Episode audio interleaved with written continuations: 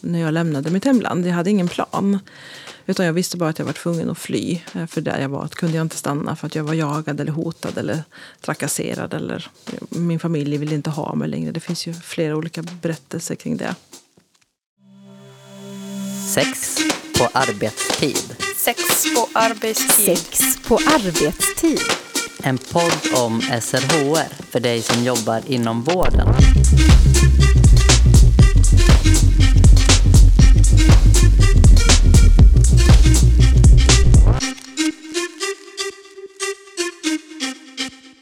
På många håll i världen utsätts hbtq-personer för våld, förföljelse och trakasserier. Ibland från sin egen familj. Och många tvingas fly för att överleva. I det här avsnittet pratar vi med Camilla Ivarsson om hennes forskning om unga hbtq-migranter och deras tid före, under och efter migrationen. Camilla är socionom, sexolog och doktorand i socialt arbete. Och vi som gör det här avsnittet är jag, Anna Skoglund, och min kollega Elin Klingvall. Idag är vi så glada att vara i Malmö och här får vi möjlighet att träffa dig Camilla Ivarsson. Varmt välkommen till Sex på arbetstid. Tack så jättemycket.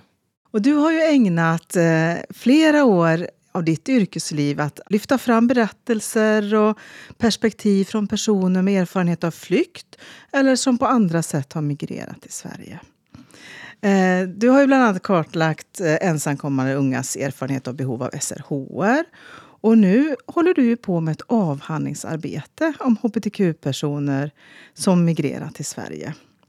Hur kommer det sig att du började intressera dig för de här frågorna? Ja, men det var ju när jag jobbade i Malmö stad på det här projektet som handlade om eh, ensamkommande unga och deras kunskaper och utbildningsbehov egentligen kring SRHR och ja, sexualitet överhuvudtaget. Eh, det var väl då som jag eh, kände att det var viktigt för mig att ha med hbtq-gruppen. Också ha informanter som identifierade sig utanför normen. Och när jag sammanställde det, ja, den kartläggningen så, så såg jag att hbtq-personerna hade andra behov än övriga informanter om man säger. Så jag tänkte det var jättespännande att spåna vidare på det här och se om, om man kan få doktorera i det här ämnet. Vilka behov var det, om du säger lite kort, var det som du, du såg då? Som skilde sig från personer som följde normen mer? Ja, men framförallt så tänker jag att det finns en rädsla hos hbtq-migranter. Eh, och att de har en annan typ av ja, behov av stöd och skydd eh, som inte upplever att de andra unga uttryckte på samma sätt. Eh, och att man också kanske har mycket mer funderingar kring sin identitet och vem man är och vad man vill vara. och sådär Att man behöver liksom förstå sig själv kanske på ett annat sätt. Det behöver ju alla unga göra men jag kunde se att det var specifikt för den här gruppen. Så det var väl en av de delarna som jag tyckte var viktiga och, och som jag tycker är viktiga att lyfta fram som är spännande och intressanta. Mm. Kan du berätta lite kort om din forskning idag? Ja, men absolut. Eh, jag har gjort en intervjustudie eh, med eh, 18 personer blev det. Eh, målet var att få några fler men jag, eh, covid kom så att jag fick stoppa. Jag var nöjd med de 18 som jag ändå har intervjuat. Så jag har gjort djupintervjuer med 18 personer. Från 11 olika länder. Så att jag har personer från både Iran och Afghanistan och Saudiarabien och Somalia och Eritrea, Polen och Malaysia. Sen har jag faktiskt en informant från Tyskland Eh, som då egentligen ja, skiljer sig väldigt mycket från de andra kan man säga. För det är ju en helt annan sak att vara EU-medborgare och vara hbtq-person och migrant till Sverige. Om man säger vilken del i en asylprocess eller migrationsprocess har dina informanter befunnit sig i? Det har sett väldigt olika ut. Eh, jag har haft de som har varit papperslösa eh, från till de som har haft permanent uppehållstillstånd. Så det har varit en väldig bredd på det. Så. Men kriterierna när jag sökte informanter var att man skulle identifiera sig som hbtq-person och ha migrationserfarenheter. Och att man också skulle vara mellan 16 och 29 år. Och alla informanterna är mellan 20 och 30 i min studie. Så det är fortfarande väldigt unga personer vi pratar om. Mm. Du har ju ställt frågor både om informanternas upplevelser om, av sin sexualitet och sin identitet eh, före och efter migration till Sverige. Om vi börjar med tiden före. Vad har du fått för berättelser där? Vad har du kommit fram till? Ja, men jag skulle väl säga att många av dem som jag har pratat med kommer från eh, fattigdom och väpnade konflikter. Eh, för det har vi ju mycket av i de här länderna som, ja, där man också har, ja, men där man har en syn på hbtq-personer eh, som, som, som inte är liksom värdiga, om man säger. Eh, så att jag tycker att det, eh, jag kan se det i, i den forskningen, att det på något sätt hänger ihop också med, med de delarna. Liksom. Eh, Men de kommer också från länder där det är straffbart. Från länder där det liksom är olika grader av, av straffbart att vara, vara hbtq-person. Det kan vara ja, spöstraff från, från, från spöstraff till att man blir fängslad eller till och med dödad i vissa länder. Och tittar man på det här som, som ILGA, ILGA Maps är ju, det är ju en internationell organisation som jobbar med hbtqia-frågor och kartlägger hur det ser ut över hela världen. Eh, och tittar man på deras karta eh, så ser jag att alla mina informanter kommer från länder som är rödmarkerade. Och de rödmarkerade länderna är också där man inte har något skydd alls utan de man, man fängslas eller jagas. Eh, så. Utom Tyskland. Och Polen skulle jag vilja säga också. För där är också, även om Polen är ett av Europas värsta länder att leva i som hbtq-person idag. Så, så är ju är Tyskland ett blått land om man säger så då. Utifrån tolerans. Är det här förtrycket eh, liksom anledningen till att de har flytt till Sverige? Ja, men det skulle jag säga att det är delvis. Eh, det ser ju lite olika ut. Eh, jag har en väldigt liksom bredd på mina informanters historier och de har ju väldigt... Eh, ja, men alla har en individuell och en egen historia eh, som är värd att lyfta i sig på något sätt. Ibland kan jag känna att jag skulle vilja berätta allas historier i en egen avhandling för att det finns så mycket spännande att lyfta. Eh, så alla, alla, alla livsberättelser är värdefulla på något sätt. Eh, Men eh, många har ju flytt på grund av att de är hbtq-personer. Ja, absolut. Så är det. Och det hänger som sagt ihop med eh, krigsdrabbade länder också. Och där också fattigdomen präglas. Präglar dem, eller präglar deras liv. I hur liksom, stor grad var de liksom, öppna med sin identitet före migrationen? Nej, men det har inte varit någon nästan som har varit det. Eh, utan det är någonting som många har liksom känt under sin uppväxt. Att de har varit annorlunda, att de inte riktigt har förstått sig själva, vad det jag känner. Varför kan jag inte identifiera mig med kompisarnas berättelser när de tycker att ja, men nu ska vi gå ut och, och spana på brudar till exempel. Och så har jag känt att ja, men jag är inte intresserad av brudar för jag tycker ju om killar liksom, till exempel. Eller, så där. eller man har någon berättelse som har känt, någon som har berättat att ja, men jag tycker om både tjejer och killar. Liksom, och är det okej? Okay? Och det kan ju inte vara okej. okay, och sådär. Att man inte har förstått. För att det finns inte, det finns inte liksom någon att identifiera sig med. Det finns liksom ingen som man kan prata med om det. Det är väldigt, väldigt tabu. Eh, och vet man också om att det är farligt och straffbart att, att identifiera sig eller att, att prata om de här sakerna så gör man ju inte det heller. Utan då bygger man upp en rädsla istället. Och en väldigt stor skam. Så skammen är också ett ord som har varit liksom genomsyrande tycker jag.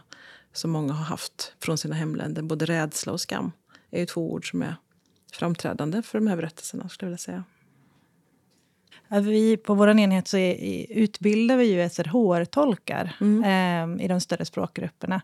Och där en stor del av det arbetet handlar ju också om att, att identifiera positivt laddade ord kring identitet. Där man kan se att i många eh, språk så finns det inte ens ord att beskriva sin sexualitet eller identitet eller könsuttryck till Nej, exempel. Precis. Och jag menar, har man inte ord för att beskriva sig, eller de ord som finns är bara negativa, så är det klart att det är också svårt att förstå sig själv.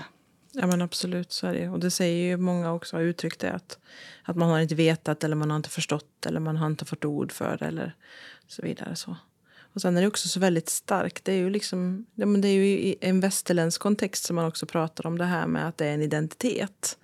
Eh, för att i många av de här länderna så pratar man inte om det som en identitet utan man använder sig av ja, men, att det är sexuella aktiviteter, samkönade sexuella aktiviteter istället. Så. Och i det här så försvinner ju bisexualiteten och även de personerna som är transpersoner.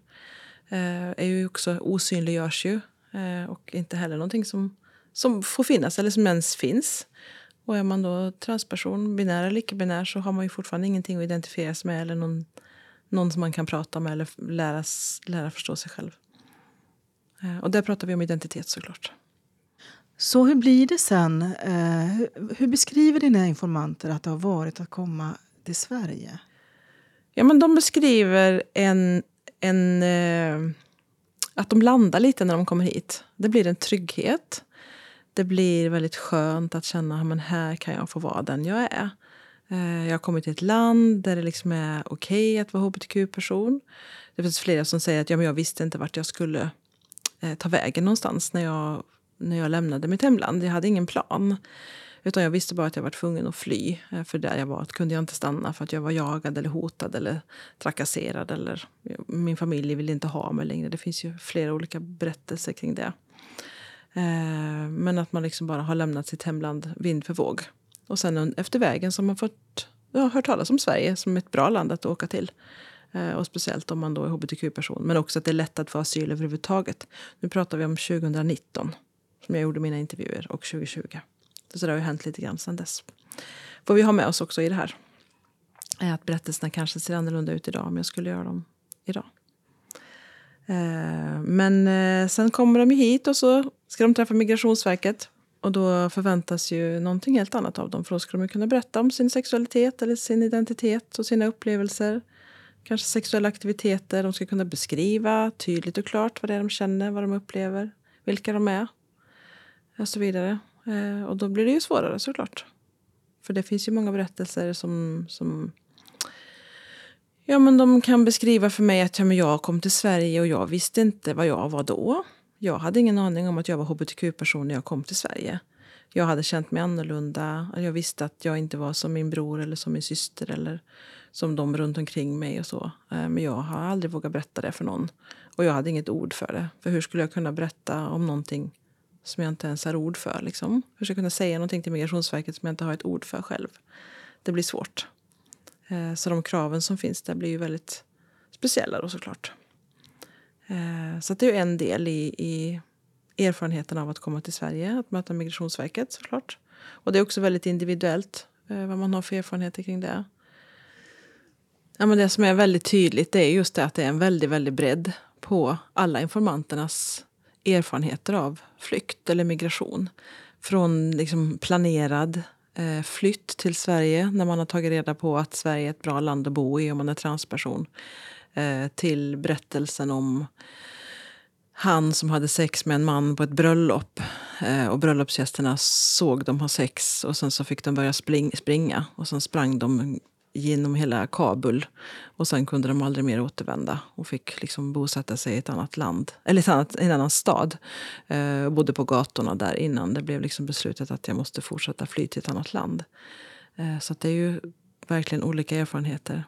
Jag har ju också en, en informant som har varit som dansande pojke, eller bachabatsi, som blev eh, kidnappad som sjuåring och var hos en släkting då se till han lyckades fly när han var 15 år och blev utsatta, utsatt för sexuella övergrepp under ja, de här åtta åren innan han lyckades fly. Och då fick han hjälp av sina föräldrar att fly för att de var också förtvivlade att han bodde hos den här mannen i det här våldet och var tvingad att dansa för andra män och, och eh, blev utsatt för sexuella övergrepp. Och, och även drogad och inlåst. Eh, så det är ju också en fruktansvärt tragisk historia.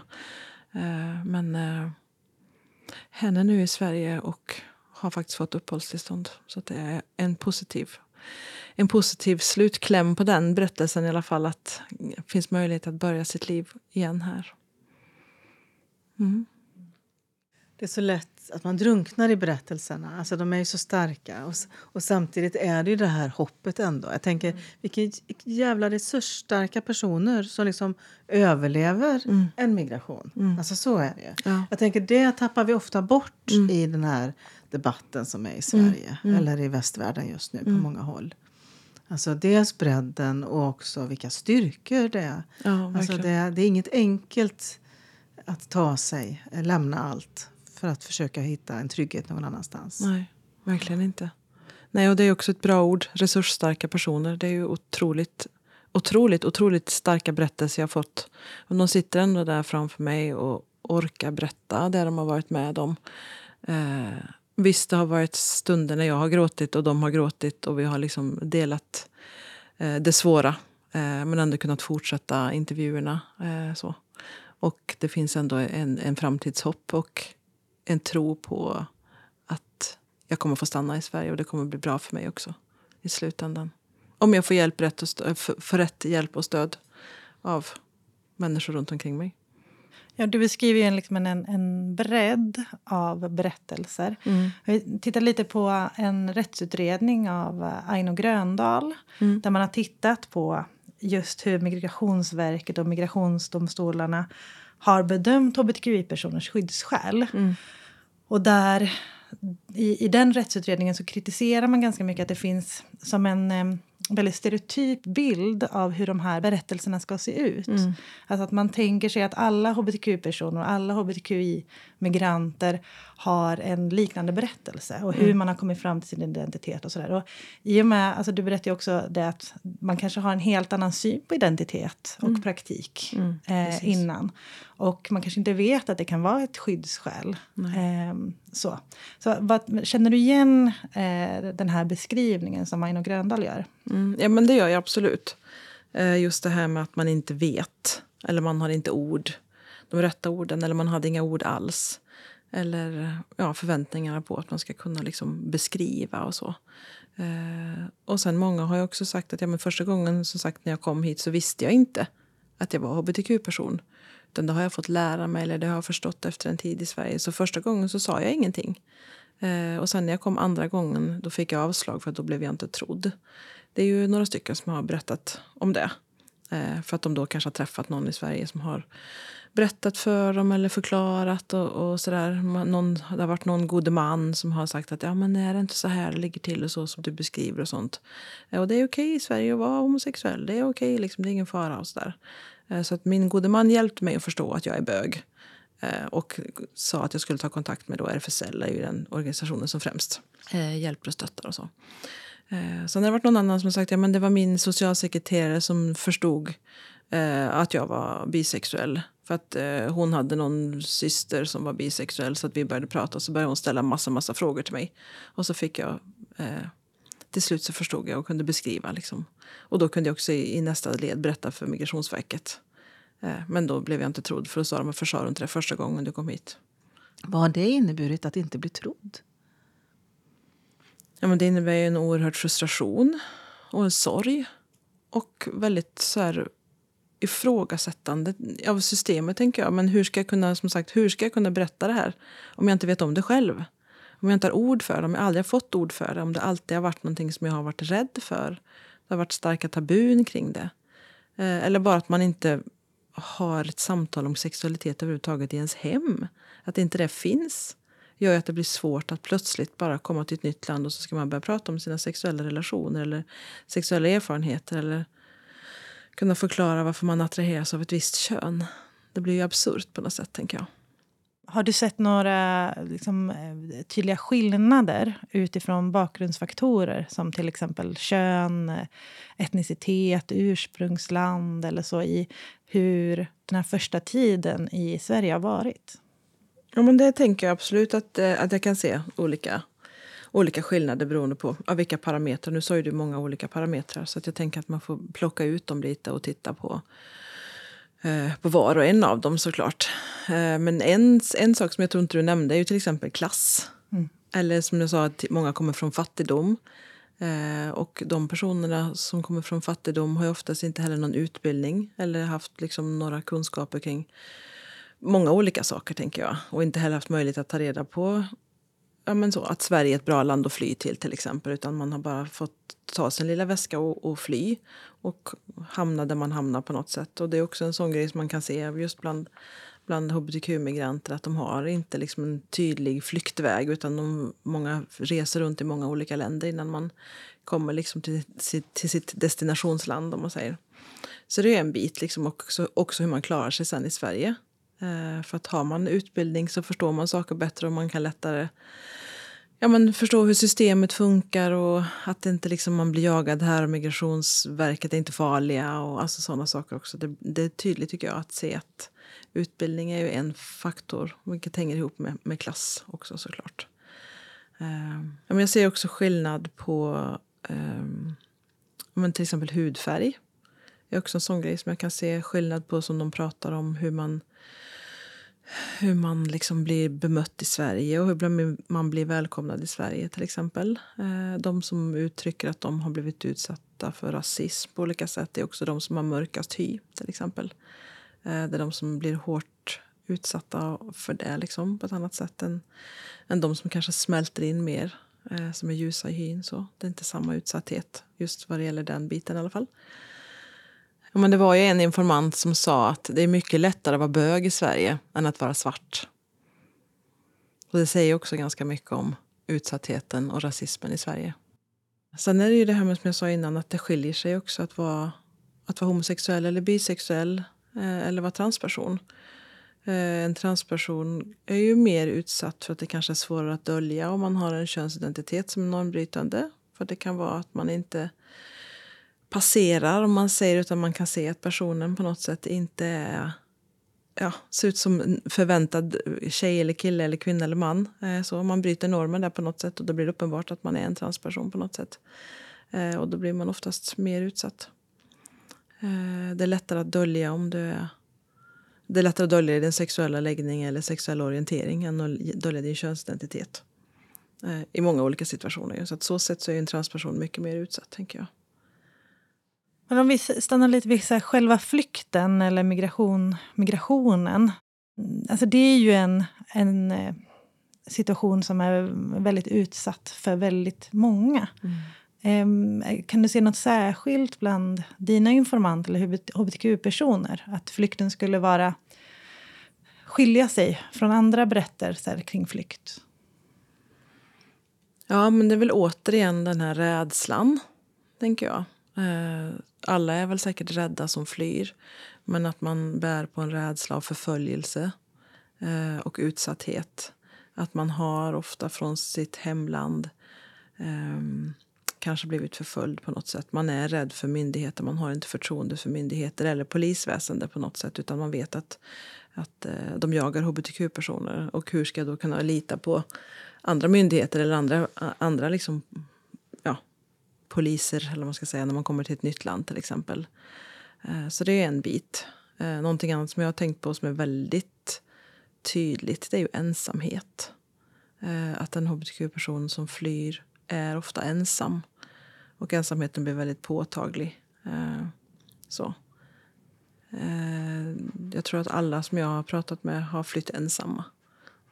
Kanske slagit följe med någon efter vägen men att man, man lämnar ju sitt hemland ensam och kanske planerat sin flykt ensam också. Om man nu ens har planerat det. Jag har ju någon som bara har fått springa och sen typ aldrig slutat springa utan bara fått lämna sitt, liksom, ja, sin stad, sitt hemland bara helt oplanerat. Så. Så det är väl de två grejerna som jag tänker på främst. Är det personer som eh, har varit både öppna och inte öppna med familjemedlemmar eller så, som är kvar i hemlandet?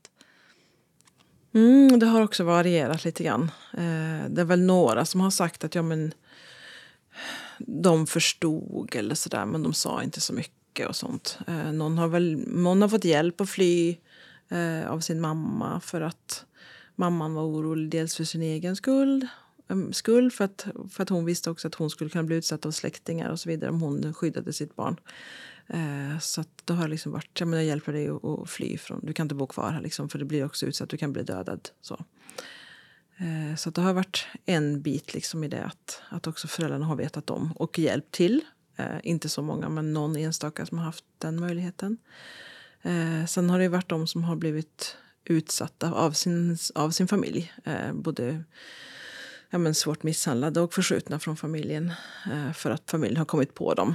Någon har fått blivit flyttad till någon sån boarding school eh, där de ska läras upp hur man, hur man blir normal, så att säga.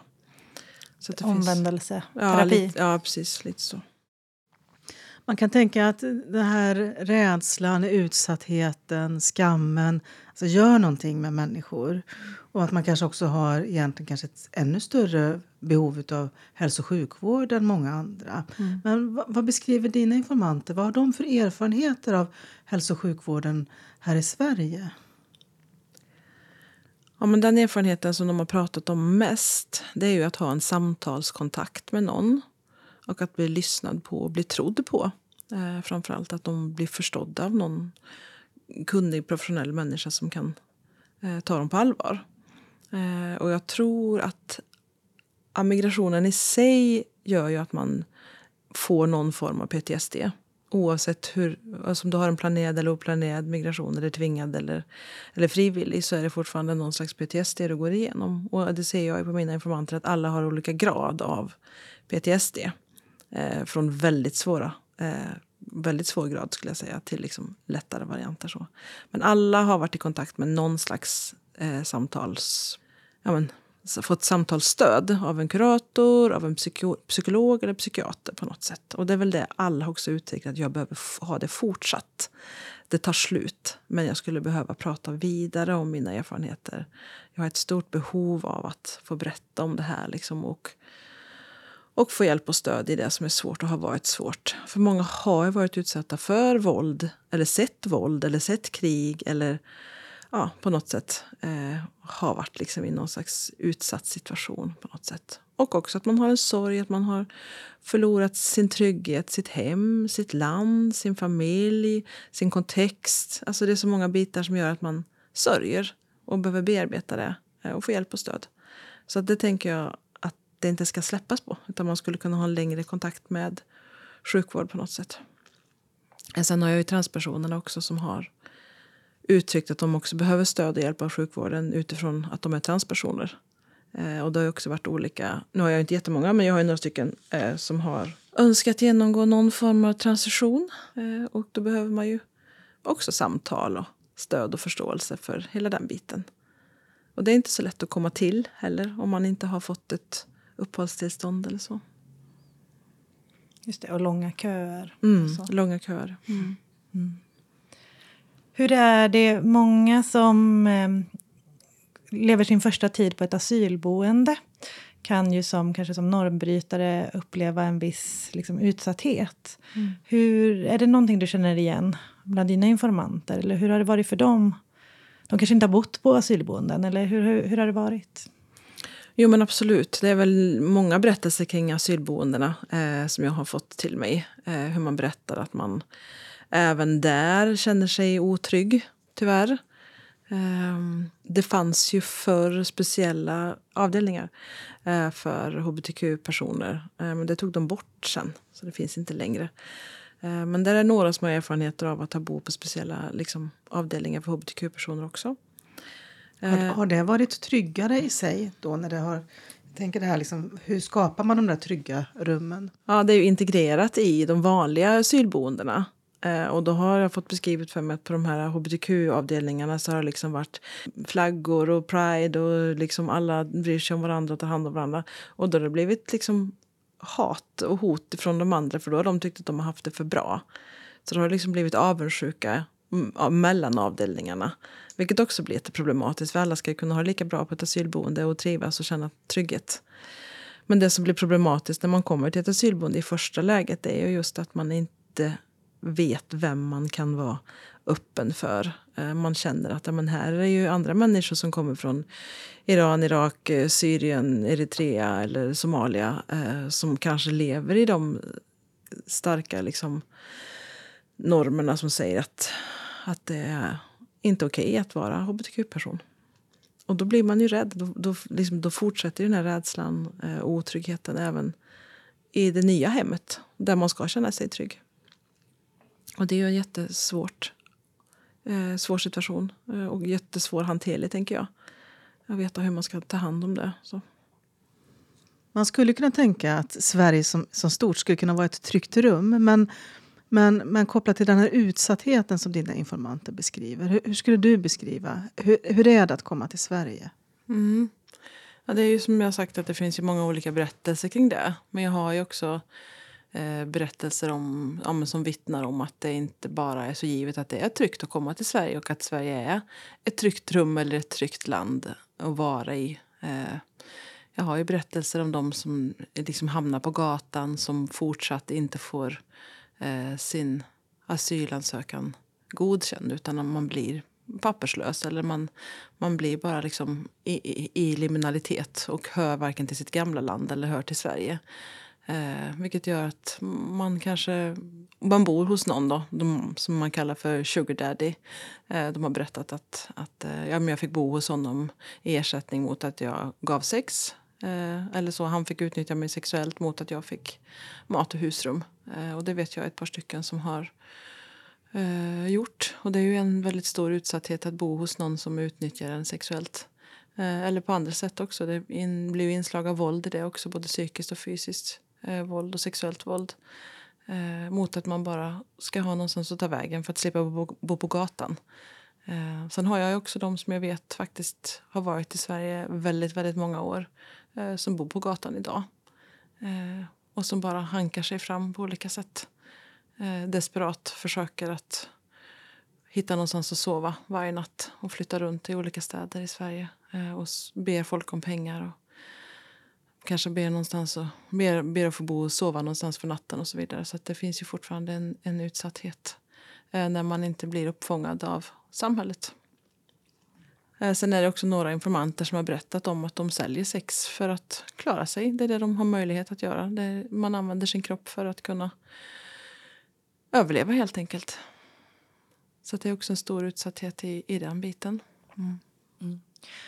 Vad tänker du händer med tilliten när man då har eh, mött personer som, som utnyttjar den på olika sätt och vis här i Sverige?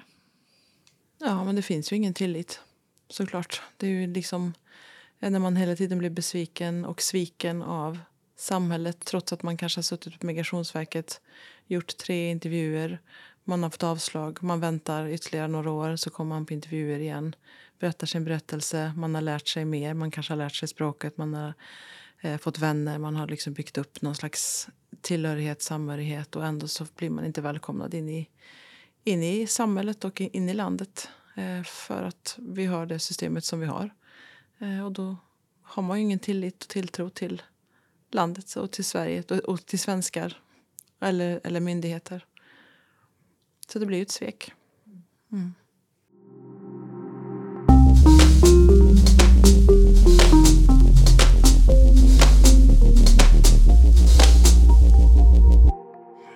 Nu pratar vi mycket om ja, men mycket PTSD, eh, trauman, utsatthet och så vidare. Vilka skyddsfaktorer kan du se? Alltså, vad har varit skyddande för de personerna som du har intervjuat? Alltså, vad har skapat en mer trygghet eller ett lugn i, i dem trots allt det här kaoset som ändå det kan vara att vara i ett nytt land och utforska sin, sin identitet?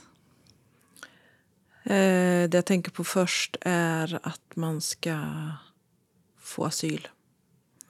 Det är liksom det som är det första, på något sätt. Grundläggande. Att veta att här ska jag bo kvar. Här är mitt nya hem.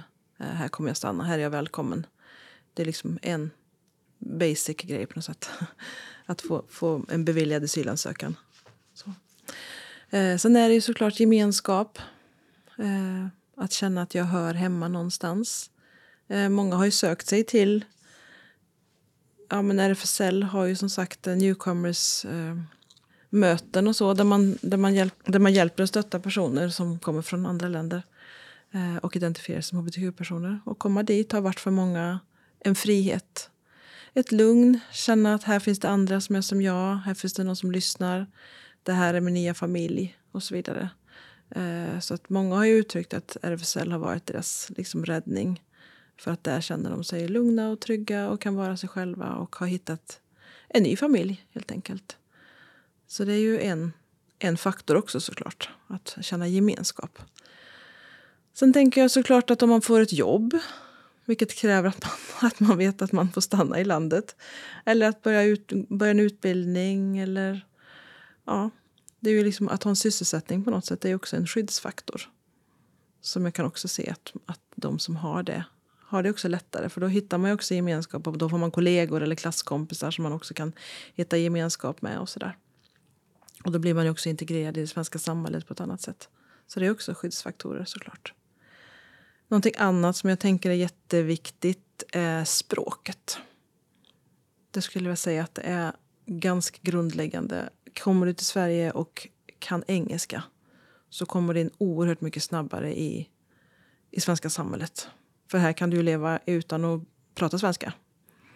Eh, så att, Eh, för de, som, de informanter jag har som är engelsktalande har också haft mycket lättare överhuvudtaget att liksom göra sig förstådda, få vänner, komma in i gemenskaper på ett annat sätt än de som talar andra språk. Så att det är absolut en skyddsfaktor också skulle jag säga. En annan sak som är viktig är ju såklart bostad också. När du får en egen bostad, när du kan lämna ditt asylboende och komma vidare. Eh, så att du kan ha ett eget boende. Det är också en, en, eh, en skyddsfaktor. Eh, jag kan se någon som har berättat att ja, men så jag kände mig inte trygg förrän jag hade mitt egna boende. Eh, och då kunde jag också känna att jag kanske kunde bjuda hem någon eller jag kunde liksom komma och gå som jag ville. Jag behövde inte hela tiden ha ögon i nacken och så vidare. Så det är också en, en skyddsfaktor. Att ha ett eget boende. Mm. Hur skulle vi inom hälso och sjukvården kunna bidra till att skapa liksom en trygghet Eh, för hbtq-personer som har migrerat? Vad kan vara viktigt att tänka på? Ja, men jag tänker att man behöver först och främst kanske ha hbtq-kunskap och förstå vad det innebär att vara hbtq-person. Att man har liksom koll på de här olika bokstäverna och vad det betyder. Eh, också kanske förstå skillnader på när vi pratar om sexuell identitet, sexuell läggning och könsidentitet. Eh, eh, sexuell orientering. Att man också förstår att det finns en bredd eh, inom eh, spektrat liksom, av att vara hbtq-person. Eh, det är ju en del, tänker jag. Eh, också att man, eh, ja, man har kunskap om vad migrationsstress innebär. Eh, det är också någonting som alla går igenom, också av olika grad beroende på hur flykten har sett ut, eller flytten. Att lämna sitt hemland. Eh, att ha kunskap kring det. Vad innebär det egentligen att migrera och hur påverkar det en person att faktiskt tappa fotfästet helt och hållet? För det gör man ju innan man kan börja om på nytt. Eh, och kommer man ensam så är det ännu tuffare än när man kanske kommer med sin familj och så vidare. Vill du beskriva det begreppet lite mer? Migrationsstress. Ja, men det är ju hur man, hur man är påverkad av sitt liv i hemlandet och vad man bär på. Dels händer det saker i ens hemland eh, som gör att man måste besluta sig för att fly. Och det kan ju vara flera olika parametrar. Det kan vara fattigdom, det kan vara krig, det kan vara utsatthet för att man är hbtq-person och så vidare. Så bär man ju med sig det och de erfarenheterna eh, till man kommer till det nya landet. Och sen erfarenheter av att, ha, att man är under flykt. En del flyr ju i flera år innan man kommer till sitt land som man ska landa i. Eh, och där kan man ju också vara utsatt för olika saker under flykten. Jag har ju berättelser där man Ja, men som hbtq-person så blir man utsatt för sexuella övergrepp under flykten vid olika gränser för att bli in, insläppt i, ett nytt land. Till exempel så, så blir man våldtagen. Eh, för att ja, Ska man komma in i det landet så måste man också... Ja, också för att man blir utsatt för man, man har blivit kanske avslöjad. Eller vad man ska säga. Man, de har sett, de har förstått att man är hbtq-person. Och då tar de sig friheten att utnyttja en sexuellt. Och alla de där bitarna bär man ju på till det nya landet på något sätt. Så det är allt vad migrationen innebär, liksom både före, under och efter. För sen när du kommer till det nya landet så ska du också komma in i landet här. Och det är först då som du egentligen kan känna saknaden av vad du, alltså, vad du hade förut. på något sätt. Du ska landa i det nya. Här är det nya sociala skript, det nya sexuella skript. Det är ett nytt samhälle. Eh, oftast har du inga pengar, du har ingen tillhörighet, du kanske inte har någon familj. Allt det där ingår liksom i migrationsstressen. Eh, så det, det, är många bitar i det. är komplext. Men det är några delar, några delar av migrationsstressen som, som man behöver förstå. Mm. Människors erfarenheter av flykt egentligen. Ju, kan man säga. Enkel, väldigt enkla, förenklat. Mm. Och förstår jag rätt att där kan man tänka att det behöver alla som finns inom hälso och sjukvården ha den kunskapen? Ja, ja så är det ju. För det är ju stor, du har ju gått igenom en stor förlust. Även om du själv har valt att fly för att bli trygg eh, och så, så är det ju ändå en förlust för du lämnar ändå det. Du lämnar någonting som du vet vad det är till någonting som du inte vet vad det är. Och det är ju bara det är ju en, ett trauma i sig. Och väldigt modigt också såklart. Men, men att ja, du vet ju inte vad som väntar dig när du lämnar ditt land. För du vet, där vet du, ja, men här har jag mitt hem och jag har min familj och jag har min släkt och jag vet hur det funkar med det här systemet som inte är alls bra men jag vet i alla fall hur det funkar. Så att det är en, en bit som kan vara jättejobbig. Man måste ju också lära sig det nya landet och förstå hur allting fungerar här. Mm. Mm, sen tänker jag också någonting annat som man behöver kunna inom eh, hälso och sjukvård. Det är ju ja, dels migrationsstressen som jag sa, men även minoritetsstressen. Och förstå vad det innebär också. Eh, och att ha kunskap eh, kring hur det är att vara normbrytande. Eh, och många, eller man kan säga att, att är man migrant så har man också kanske dubbla min, minoriteter som också behöver förstås. Vad det innebär att vara liksom både normbrytande vad det gäller kön eller sexualitet eller identitet. Eh, men också att man då är inte vit, utan man bryter vithetsnormen också. Eh, så det är också en del som man kan behöva ha kunskap om och förstå mer. Eh, hur minoritetsstress och migrationsstress hänger ihop med varandra också. Har du ställt frågor om ehm, personernas liksom, behov och önskemål och drömmar för sitt liv? Ja, Vad de drömmer om? Ja, men det har jag gjort också. Det är ju en grej som jag också tycker är så himla viktig att lyfta fram. Att det här är en grupp eh, som också bär på mycket styrka. Eh, det, blir ju, det blir ju sorgligt och det blir ju svårt och det är många tunga berättelser som jag har fått höra och som vi har pratat om här idag också. Ju. Men som är väldigt... Ja, det är en grupp som är väldigt stark och som har också en framtidstro och ett hopp på något sätt. Så visst har jag fått berättelser om, om att man önskar utbilda sig till något speciellt eller man vill gifta sig eller man vill kanske ha barn eller så. Många säger att jag vill hjälpa andra hbtq-personer på flykt eller som finns i Sverige. Det är många som säger att Det finns ett driv i att liksom stötta andra i samma situation. Och att visa omvärlden, jag vill tala om för, för liksom samhället att vi finns. Eh, och att det måste finnas en förståelse för oss och våra behov. Så att det är några grejer som, som jag har fått till mig. Så att visst finns det också hopp och framtidstro.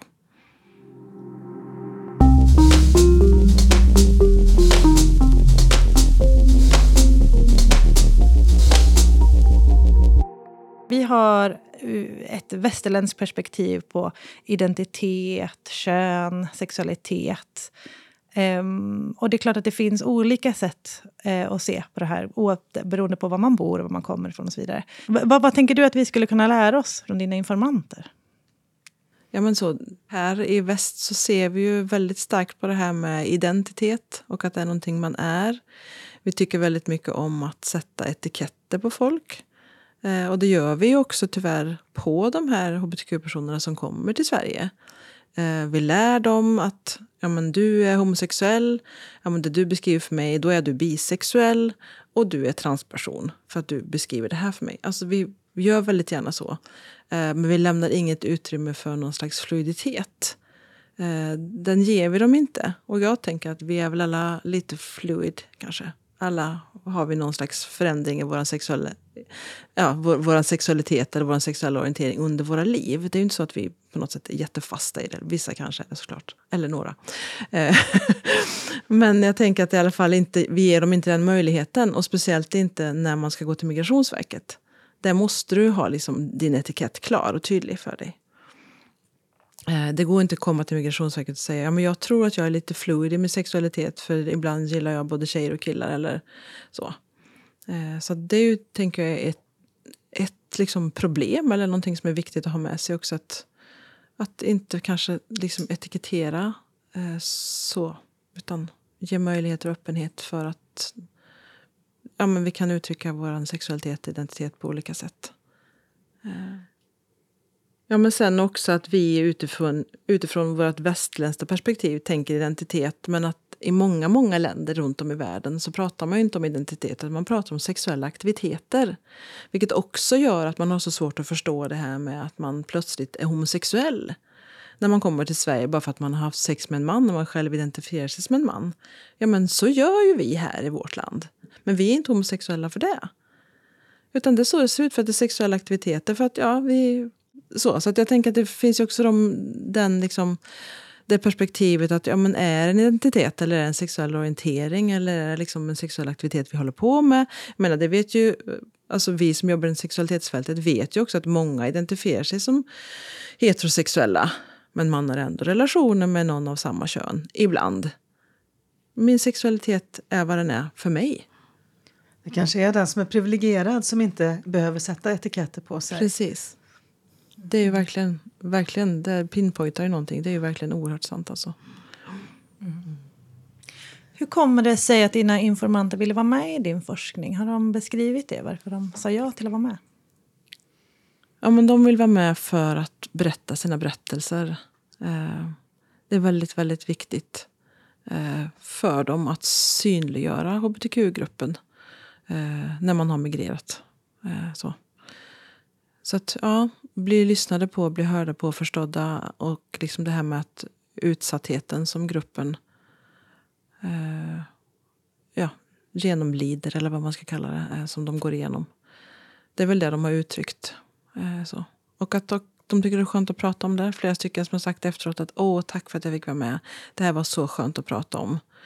Någon sa ja, men det här är jag van att prata om för det här har jag pratat om många gånger med andra. Och någon har sagt åh, vad länge sedan jag pratade om det här med någon. Det var så skönt och tack så mycket för att du har lyssnat på mig. Så, så att det är också viktigt att få prata. För dem blir det liksom lite terapeutiskt nästan att bara få sitta och få prata om sig själv. Så. Och vad hoppas du att din forskning ska bidra till? Ja, men jag är inom, inom eh, socialt arbetefältet och ja, sexualitetsfältet. Så jag hoppas ju såklart att kunna sprida mer kunskap kring människor som jobbar inom socialtjänst och, och socialt arbete och även hälso och sjukvård såklart. Och ja, människovårdande arbeten överhuvudtaget. Eh, jag tänker att eh, ja, sprida mer kunskap och förståelse eh, och väcka tankar kring kring de här frågorna. Eller kring de här människorna som vi har runt omkring oss. Mm.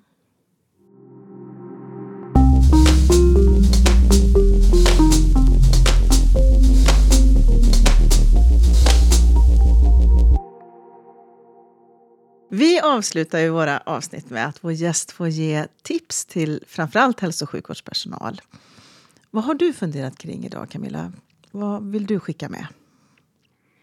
Jag tänker först och främst att inte ha fördomar om migranter. Och att tänka att olika grupper är på ett visst sätt. Eh, ja, men till exempel, om vi pratar om att män från eh, Mellanöstern de är alltid heterosexuella, till exempel. Eh, eller att eh, kvinnor med slöja inte kan vara bisexuella eller lesbiska. till exempel. Det finns inget facit för människors sexualitet eller identitet utifrån utseende eller klädsel. Det är ju en grej som jag tänker är viktig att ha med sig när man möter människor. Man har en öppenhet att här finns det möjligheter till att den här personen på något sätt bryter mot de heteronormer och cisnormer som vi har. Eh, och sen skaffa kunskap Kunskap är ju jätteviktigt, både kring hbtq-frågor, migrationsstress och minoritetsstress. Och ja, det är väl de bitarna som jag tänker är viktigt att ha kompetens inom. Tusen tack Camilla Ivarsson för att du har varit med i Sex på arbetstid. Och lycka till med din fortsatta forskning. Tack så jättemycket och tack för att jag fick komma hit. Det var jättetrevligt och roligt att få berätta om min forskning.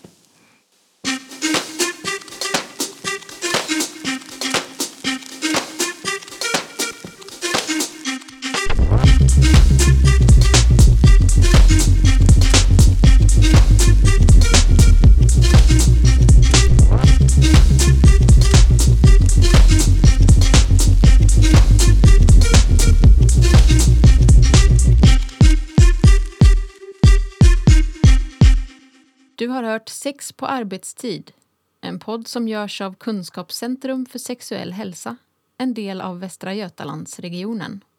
Producent var Elin Klingvall.